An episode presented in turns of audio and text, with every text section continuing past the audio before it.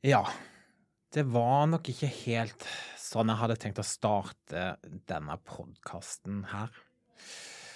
Og egentlig så trenger jeg jo heller ikke å begynne denne podkasten sånn som jeg har tenkt å begynne den i dag. Men det er noe i meg som sier at uh, det er kanskje akkurat derfor det er helt riktig å begynne med podkasten på dette tidspunktet. Fordi istedenfor å gå i de opptrådte sporene som jeg vanligvis ville ha gjort, så kan jeg jo nå starte med å lage nye spor sammen med dere på denne reisa jeg nå kaster meg ut i. Fordi at eh, i eh, litt over et år så har jeg jo planlagt på hvordan denne podkasten eh, skulle bli. Og jeg gikk inn i 2024 med et ekstremt pågangsmot og et skikkelig stort smil på ansiktet, og var så klar for å kaste meg ut i det ukjente.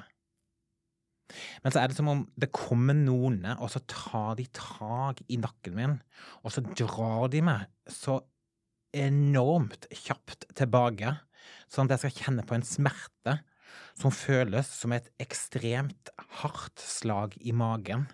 Og det er så hjerterivende at jeg trodde kanskje at aldri jeg ville komme tilbake igjen. Og alle sier jo at det er unngåelig. Men det er ikke en eneste opplevelse i eh, en persons liv som muligens kan forberede deg på tapet av en kjær. Og spesielt da hvis den kjære er en foreldre. Og i hvert fall hvis det er mammaen din. Nei, det er faktisk ingen som kan forberede deg på den dagen du skal planlegge din egen mors begravelse. Og denne podkasten skulle da egentlig handle om eh, mitt møte med mennesker som har hatt en stor betydning for meg i løpet av eh, mine 18 år i TV-bransjen. Og jeg hadde hatt lyst til å invitere de inn her som eh, gjest, sånn at jeg kunne fortelle de face to face om hvordan de har vært med på å forandre noen av mine mørkeste tanker. Tanker som jeg aldri har delt med noen før nå. Så i dag så sitter jeg jo her i et studio helt alene. Veggene er sorte. Stolene er brune. Jeg kjenner på en sånn enorm tristhet og et savn og en veldig kjent følelse som jeg har sittet med før, og det er ensomhet.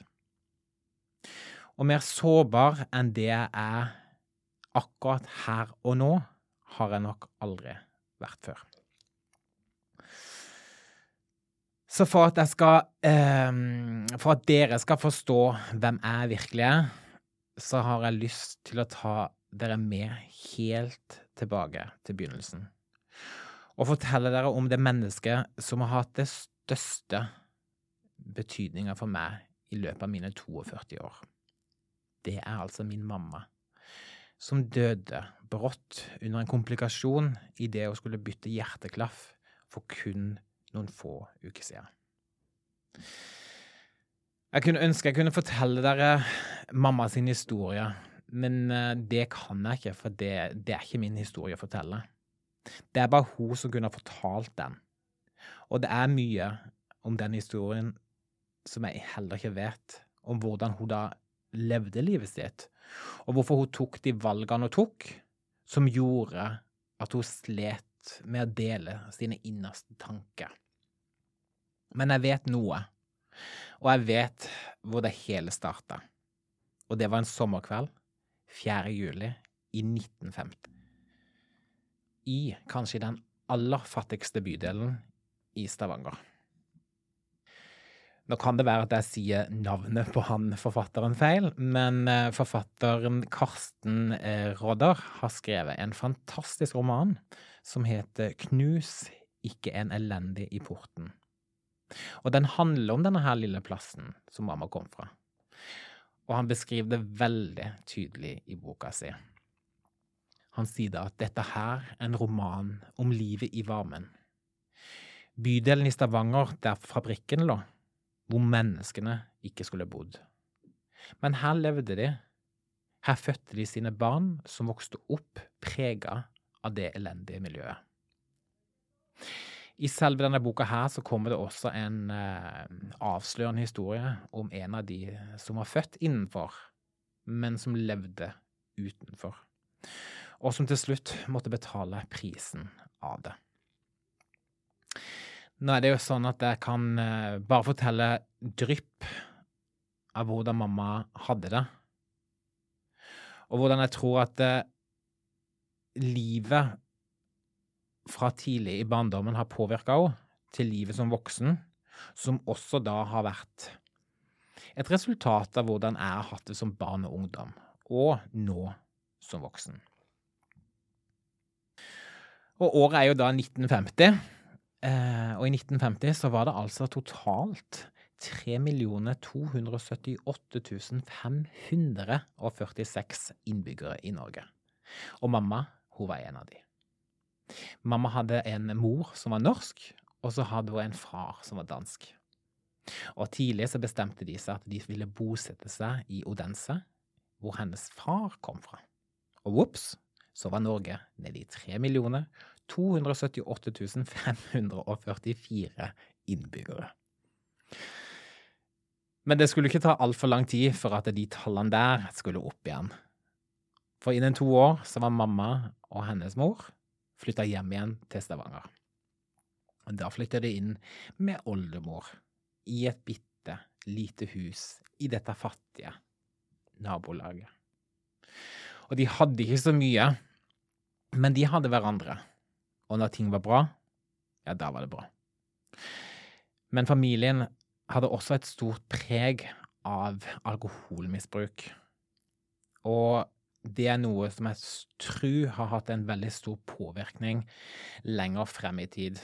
Og spesielt dette her med hvordan man uttrykker seg som menneske når det kommer til egne følelser. Fordi at vi må huske på at i den tida her så var det faktisk ikke vanlig å uttrykke følelser. Du gjorde som du ble fortalt, og så svarte du aldri de voksne tilbake, selv om du fikk kjeft. Og det kan, jeg, det kan jeg kjenne igjen selv, at jeg fikk aldri lov til å svare tilbake.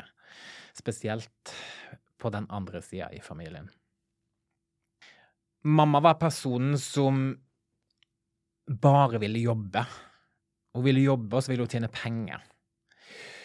Men på denne tida her så må man huske på at det var ganske vanskelig å få jobb når du var kvinne. For du vet at det ideale på den tida her var kjernefamilien. Og det var mannen som var hovedforsørger. Og kvinnene ble jo da henvist til rollen som hjemmets arbeider. Og takk Gud for at det har skjedd endringer i uh, nye tider, men det, vi har vel fortsatt en uh, litt lang vei å gå der. Også på um, i ukeblad og reklame så ble husmoridealet dyrka frem. Og etter krigsårene så var det få som tok til orde for at kvinnene skulle få lov til å komme seg ut i arbeidslivet.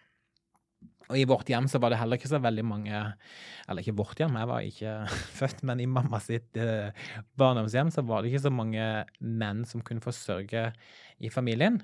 Så mamma, hun, eh, hun begynte å bake, og eh, hun solgte da disse her bakervarene gjennom vinduet der de bodde. Og til slutt så bestemte hun seg at uh, hun ville ta disse kokkeskillsa sine med seg videre med seg til en plass hvor hun visste at eh, på den tida her så kunne kvinner tjene mye, eller i hvert fall gode penger. Og det var da til sjøs. Så mamma, hun dro til sjøs. Og den eventyreren som hun var, så fikk hun også da kjenne på masse mestringer. Og det er vel her jeg personlig syns at ting begynner å bli litt sånn spennende. For det er her til sjøs hun møter da sin aller første ektemann. Og etter det jeg har fått eh, Eller blitt fortalt da, av mamma, så uh, ja, Nå var det ikke sånn mamma snakka så mye, men jeg ga henne ei flaske rødvin, og så kom liksom historien uh, på seilende skip, for å si det sånn. Og det er jo litt rart da hvor, eh, hvor lett det er å få folk til å snakke når du gir dem litt alkohol. Det er som om eh, det er som om alt bare er helt greit. Til og med de dypeste og mørkeste følelsene de bare popper ut når folk får i seg alkohol. Det sier litt om alkoholmisbruk.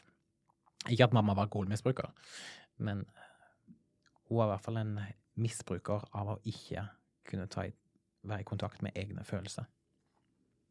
Men i eh, forhold til um, dette som skjedde på båten, så uh, var denne mannen mamma møtte, ifølge mine kilder, en skikkelig snill mann som gjorde alt for at mamma skulle ha det fint. Men med en oppvekst hvor følelse var tabu, så er det også lett å forstå seg på det valget mamma tok i etterkant.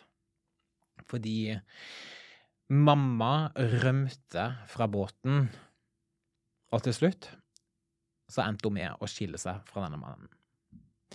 Og det er her jeg kan kjenne meg veldig igjen i måten hun var på når hun traff snille menn. For det å motta godhet og kjærlighet fra mennesker uten å måtte gi noe tilbake, det føltes ikke ekte for mamma. For mamma så ble dette her kaotisk og til tider klausofobisk. Og det er der jeg også kjenner at uh, min, min um, connection med andre mennesker er noe jeg sliter med. Jeg tror at mamma har brukt sin egen kreative tilpasning i livet med å klare seg selv, og når hun da møtte menn som ikke var snille, da valgte hun å fighte for å bli i denne her usunne relasjonen. Og helt ærlig så tror jeg nok at hun satt med følelse av å ikke elske seg selv helt. Så om hun ble slått Ja, slått så mye at blod blodet spruta, da var dette kjærlighet for hun, selv om det skjedde om og om igjen. Og jeg har jo nå i en voksen alder forstått at det, det er jo akkurat sånn jeg gjør det. Ikke at jeg har blitt slått, men jeg har jo vært i, en, eh, i noen usunne relasjoner. Både vennskapelige og i kjærligheten. Og jeg har slitt mye med å akseptere den jeg er, og bli glad i den jeg er. Og på lik linje med mamma så har jo jeg også valgt å bli i disse relasjonene som ikke behandler meg pent. Og i dag så kan jeg jo se tilbake at mange av valgene mine, for det er mine valg, eller det er kanskje mer skammen min som har tatt over. Og når skammen har kommet, så har jeg lytta, og så har jeg da blitt i denne skammen. Og jo mer jeg snakker om disse her vonde tingene, om disse mørke følelsene, så kjenner jeg også at skammen forsvinner. For skam kan på en måte ikke overleve om jeg aksepterer den jeg er. Og det har tatt meg lang tid å forstå, altså. Fordi nå er på en måte skammen bare det er, det, er, det er, bare et begrep. Den tilhører ikke mer lenger. Og det syns jeg er altså sånn en nydelig åpenbaring å forstå. Det har tatt lang tid og mye terapi.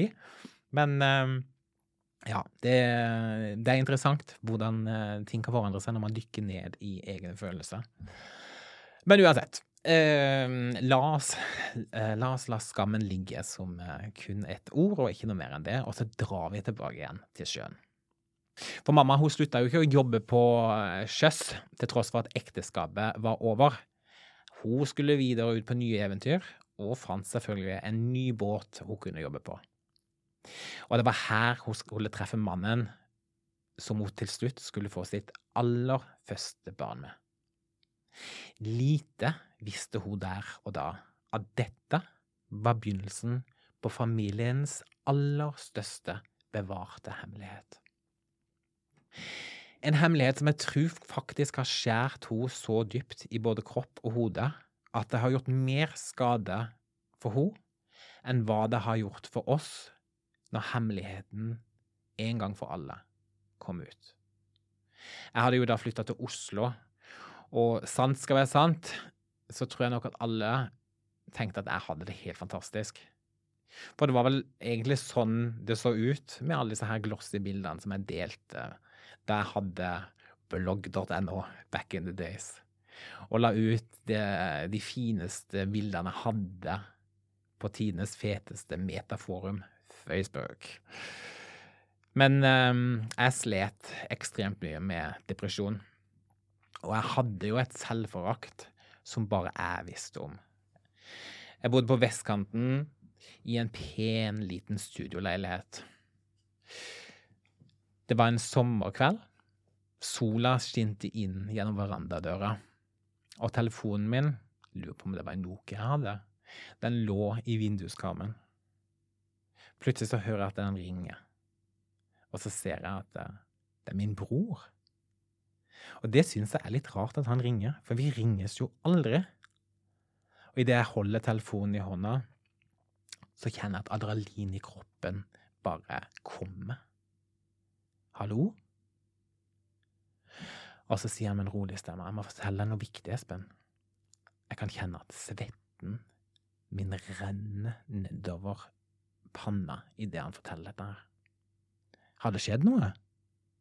Min første tanke er da at ei lillesøster er jo død. Han sier mamma har vært på besøk. Hun var så nervøs når hun kom hit, og hun fortalte meg om familiens store hemmelighet. Uh, ok, sier jeg. De har funnet papirene, Espen. Papirene. Helt forbaust, kjenner jeg at jeg blir. Hva mener du med papirene? Espen, jeg er ikke din bror. Vi har ikke samme far. Idet de ordene kommer ut av min brors stemme, så kjenner jeg at jeg faller bakover i senga. I sekundet føles det ut som det er noen som holder meg nede og stjeler noe som er mitt. Kroppen er helt nummen, og det er som om jeg er gått i frys.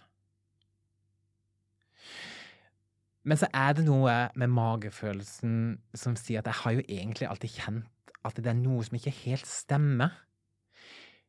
For meg og min bror, vi er jo ikke like.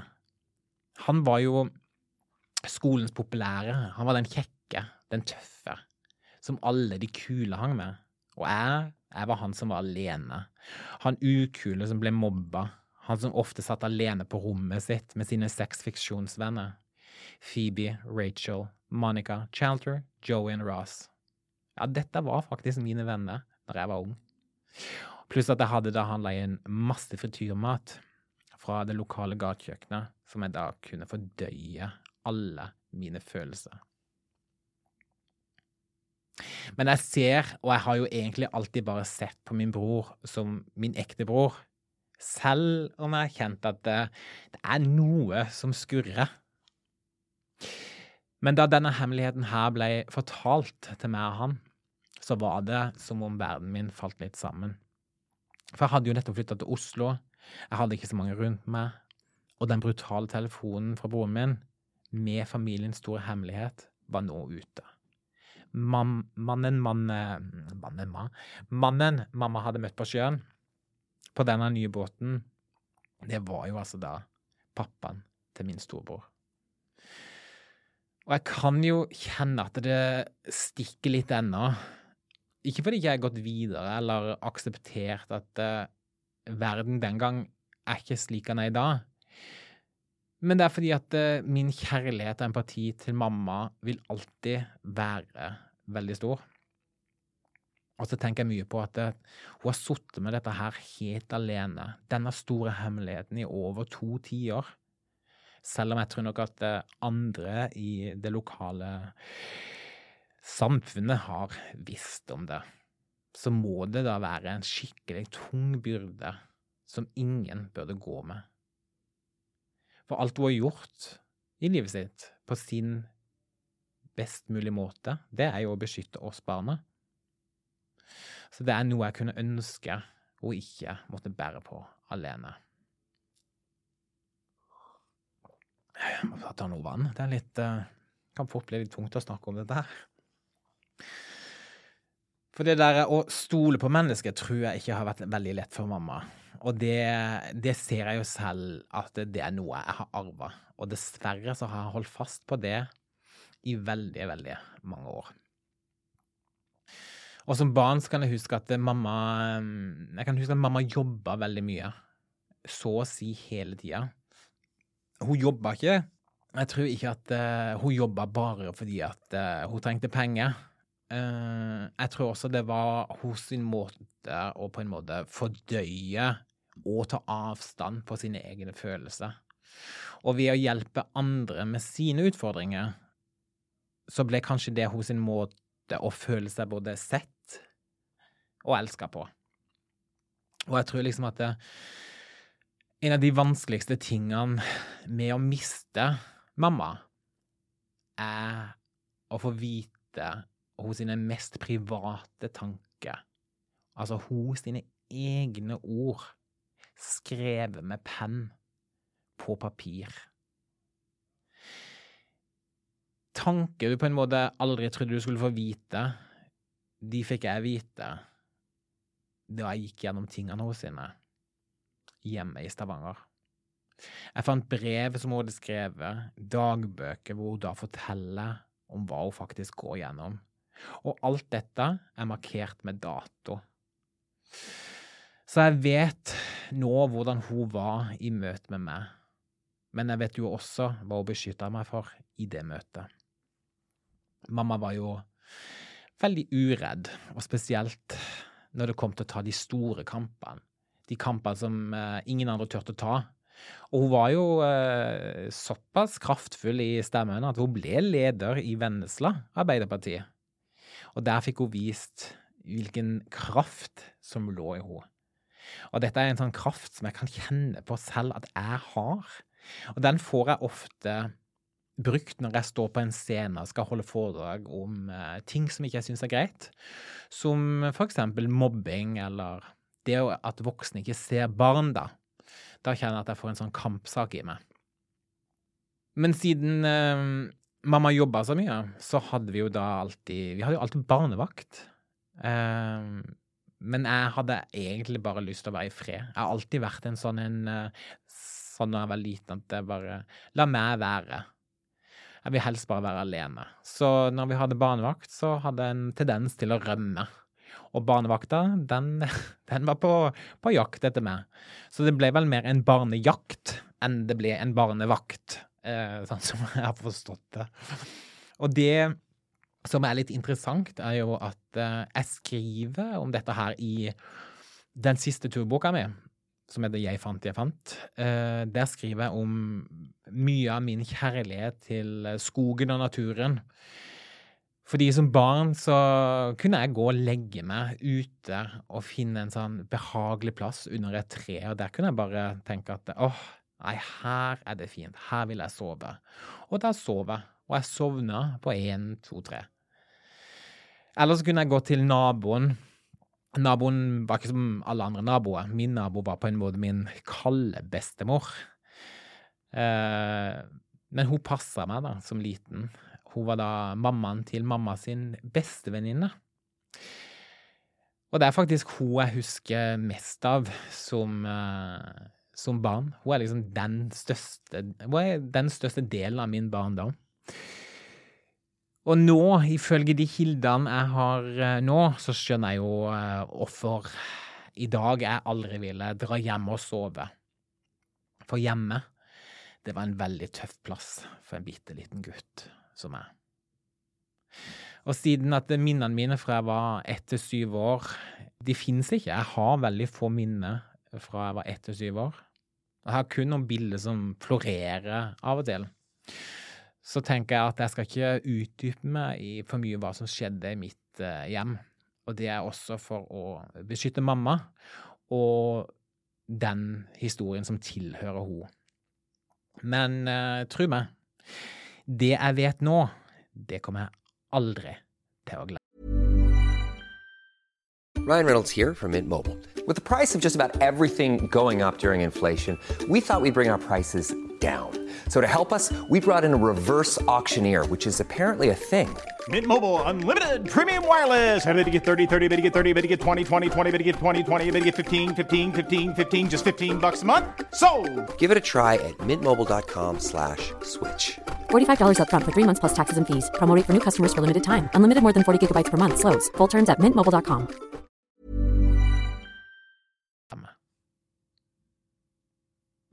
Nå, eh, når vi er inne på dette her med hun, eh, hun nabobestemora mi, så sa hun alltid Espen, du kommer til å bli en kjøpmann, du, eller så blir du en showman. Og sant skal være sant, så har jeg nok vært innom begge disse to, uh, to karrierene her. For på lik linje som mamma, med mamma, så jobber jeg veldig mye. Ikke så mye da, da, fordi at det er harde kår i denne TV-bransjen. Men jeg har jobba så mye at uh, jeg ikke har fått kjenne på hva som virkelig har skjedd i livet mitt. For på samme måte som med mamma, så har nok jeg vært på rømmen for å uttrykke mine egne følelser. Og en av de tingene som jeg kjenner jeg har rømt litt fra, som jeg har tenkt på i ettertid, det er å, å kjenne etterpå hva som skjer med deg når du mister noen til rus. For vi, som veldig mange andre, fikk jo kjenne på de mørke kreftene som eh, rusmiddel kommer med. Og da min lillesøster slet på det verste, så fikk vi virkelig se på hva slags krefter som ligger i en mors kjærlighet. Mamma tok liksom de store kampene for de som slet med rusavhengighet. Og ikke bare for min lillesøster, men hun tok de for de andre i det lokale miljøet. Og det syns jeg er så fint å tenke på. Og hadde det ikke vært for mamma, så hadde ikke vi heller hatt en uh, rusfri lillesøster i dag. Og jeg har tenkt at jeg vil lage en episode om dette her, hvordan rus påvirker oss alle i familien. For jeg tenker det kan være en veldig viktig ting å snakke om. Men uh, det må nok bli en egen episode. Men uh, i løpet av min uh, barndom så, så, ble jeg da mye mobba. Og det er noe jeg har lyst til å snakke om senere også, men jeg vil gjerne gå inn på en ting som Og fortelle om noe som ingen vet. Og det handler liksom om det mørke som ligger veldig sånn Det ligger i meg. Og som jeg har slitt av veldig mye på grunn av den mobbinga jeg har opplevd. For i over uh, 20 år så ble jeg mobba, både fysisk og psykisk. Og jeg stengte det inne, og jeg spiste det opp gjennom mat, og undertrykte da mine egne følelser. Og jeg blei aldri mett. Og jeg har jo vært så langt nede at jeg har vurdert noen ganger å kaste inn håndkleet og si farvel til verden. Men så kommer jo da alltid minnet, eller tanken om mamma opp. Og så da ble det kun med den tanken. Og grunnen til at jeg velger å si det høyt her i dag, er fordi at det jeg vet i dag, er at dette ikke er løsninga på hva jeg da gikk igjennom. Men som ung så sa jeg alltid når mamma dør, da kan jeg også dø. Og dette her er ganske tungt å si, men det er også viktig å dele det høyt nå. For jeg er ikke lenger der at jeg vil det. Men når, når mamma døde, var dette det første minnet som dukka opp med en gang. Og da kjente jeg at nå, nå må jeg ringe og bestille en uh, hastetime hos terapeuten min. Og så må jeg gjøre noe som jeg ikke har gjort før, og det er å ringe alle mine nærmeste og fortelle om disse tankene, som en gang lå meg veldig nært. Og det er kanskje de vanskeligste ordene jeg noen gang har fått ut av munnen min, men uh, med det såret jeg nå sitter og kjenner på etter mamma døde, så var det ikke så lenger så skummelt å si det. For jeg vil jo ikke dø, det vet jeg jo, men uh, tanken jeg en gang har hatt, den vil nok alltid ligge der som et minne om at en gang så tenkte jeg sånn. 28. desember, det er min bursdag. Da fikk jeg beskjed at mamma hadde blitt dårlig igjen, og hun hadde blitt hastekjørt inn til Rikshospitalet. Det ble da bestemt at hun måtte eh, operere seg på nytt. Hjerteklaffen hun tidligere hadde fått plassert, den passa faktisk ikke. Så hun hadde da fått uh, en ny infeksjon på hjerteklaffen. Og det var noe i meg da som sa OK, Espen, nå må du ta så mange bilder du kan sammen med mammaen din. Du må også filme alt det du kan. For du vet ikke, du vet faktisk ikke hva som kan skje. Og vet du hva? Er det én ting jeg kjenner på i dag som jeg er glad for, det er nettopp at jeg lytta til magefølelsen, og jeg tok masse bilder og masse filmer, så jeg har liksom den siste fine biten med meg for alltid. 12. januar så var jo da um, jeg på vei opp til deg, men jeg kom altså da en halvtime for sent. Og så blir jeg møtt i døra av uh, legen som har operert deg, og han sier ja, der rakk du det akkurat ikke. Jeg bare hæ? Hva mener du? Og jeg tror jeg gikk inn i sjokk, fordi at jeg kunne se legen. Han snakka til meg, men jeg hørte ikke ord. Jeg så bare munnen hans gikk opp og ned. Det var som hele kroppen min da var i frys igjen.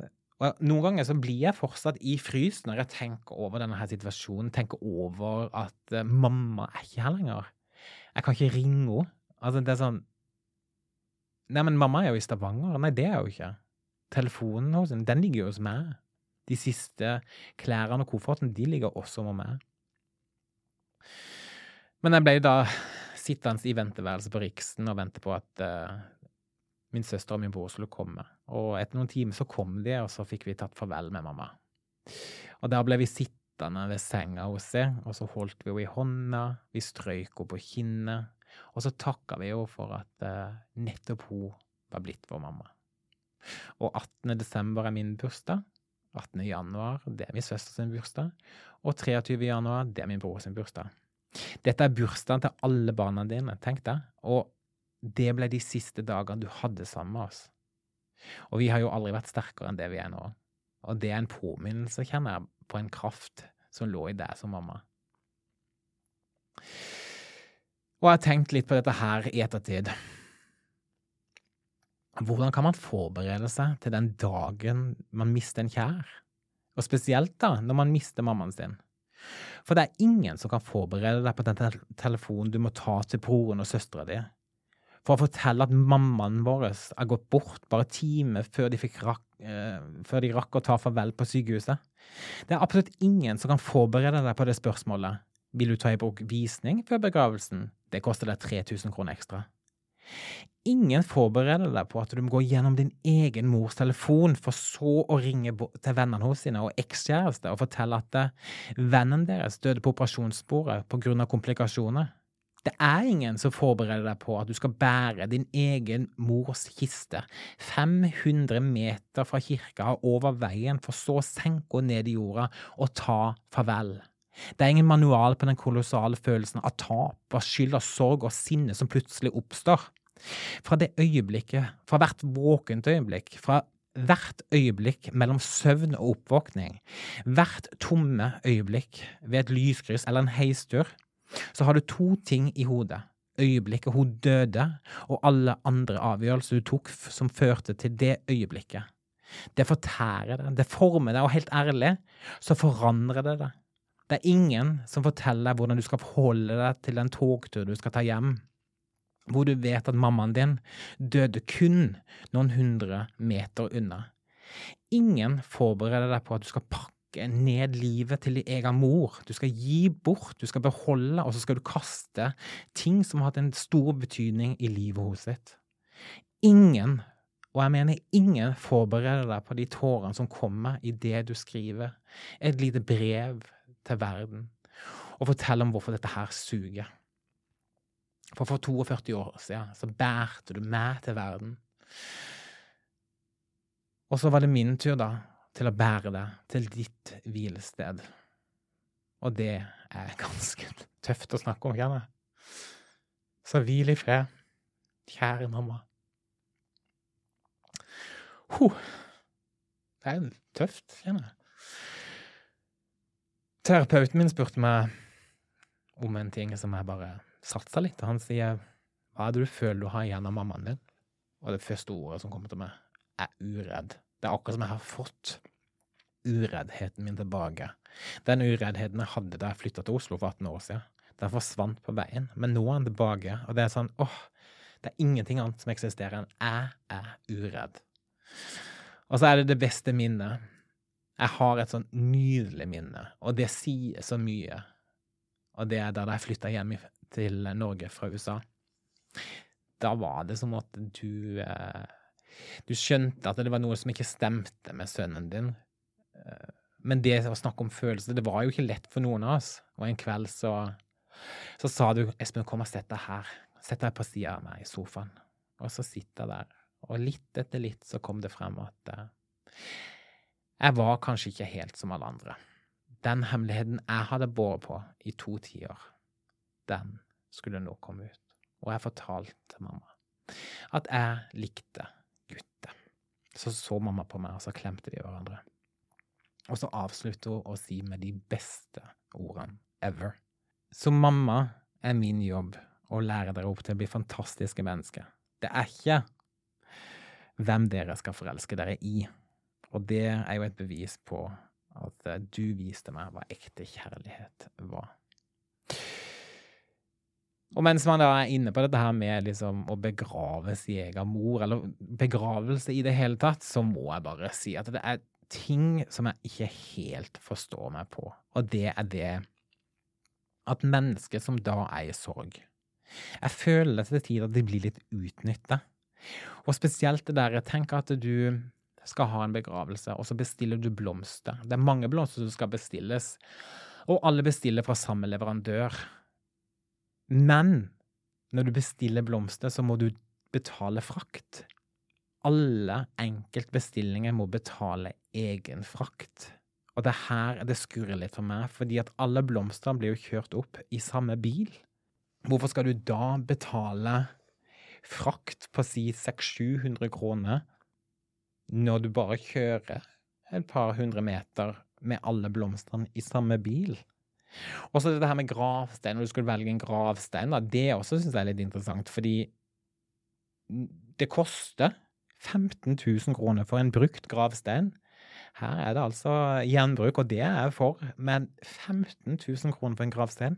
Så skal du ha skrift, og skriften kommer jo da også i forskjellige farger, og det koster jo også mye for å ha gull eller ha sølv. Så du må liksom bestemme deg der også, og du har ikke så lang tid på å bestemme deg på forskjellige ting. Eller at du skal velge ut musikken. Hva slags musikk skal du ha til din egen mors begravelse? Jeg bare I don't know. Så det er så mye ting man ikke vet, som kommer med da med å miste en kjær.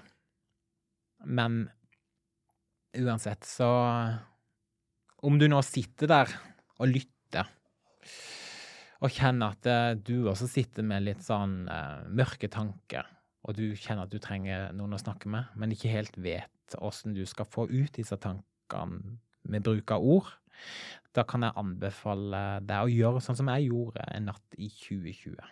Jeg lå på gulvet hjemme, og så hadde jeg full panikkangst. Jeg tror klokka var tre på natta. Jeg visste ikke helt hva som skjedde med meg, så jeg endte opp med å ringe legen. Og så fikk jeg kontakt med en fantastisk sykepleier som bare hadde den mest behagelige og rolige stemmen. Og så sier hun at det, kanskje du skal snakke med noen. Og det var sånn jeg skjønte at dette her, sånn som jeg har holdt på, det, det, er ikke nyttig for meg lenger. Min kreative tilpasning i livet, det funker ikke. Jeg må, jeg må faktisk lage nye spor. Så jeg fant fram penn altså for papir, og så skrev jeg ned alle. Og da mener jeg alle de mørkeste og styggeste tankene jeg har hatt om meg selv på dette papiret. Dette er det ord som jeg aldri har klart å si høyt. Men uh, jeg var nok i en veldig krisetilstand, at ordene bare falt ut og rett ned på dette papiret. Og så bretter jeg papiret og så sier jeg til meg selv at dette her skal jeg aldri si høyt. Jeg skal aldri åpne dette papiret igjen. Dagen etter så bestilte jeg da en time hos psykologen. Og så sier jeg til psykologen at uh, jeg kan ikke snakke om disse ordene jeg føler på, men jeg har en lapp, uh, og denne vil jeg gjerne gi til deg. Og så kan vi begynne å jobbe sammen. Og det tror jeg var begynnelsen på slutten faktisk av mitt eget selvhat. Og husk at dette er ikke mange år siden. Og det er aldri for sent å spørre om hjelp. For det er hjelp der ute, uansett hvor vanskelig det føles når du sitter i det verste. Så husk at det, det finnes en fin telefon du kan ringe. Det er Mental Helse sin hjelpetelefon på 116 123. Og den er gratis, og den er også døgnåpen. Og den er der til alle som trenger noen å snakke med. Og da kan du være helt anonym. om ikke du vil finne på et navn. Du kan låne mitt navn. Det var Erik, så det må du bare låne hvis du vil det. Uansett, dere. Takk for at du ville være med meg på denne her lille reisen eh, sammen med meg.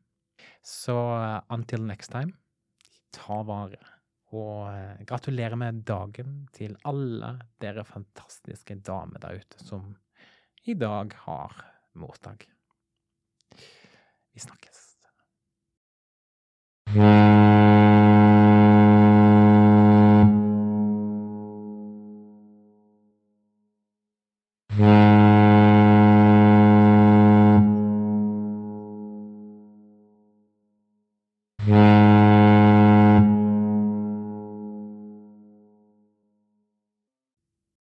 Husk å trykke følg eller abonner på den podkastspilleren du lytter til. Da får du neste episode helt automatisk i din podkastfeed. Og en annen ting, så hadde jeg satt utrolig pris på din tilbakemelding. Så legg gjerne igjen en kommentar om du liker det du hører, og gi den en rating du selv føler den fortjener.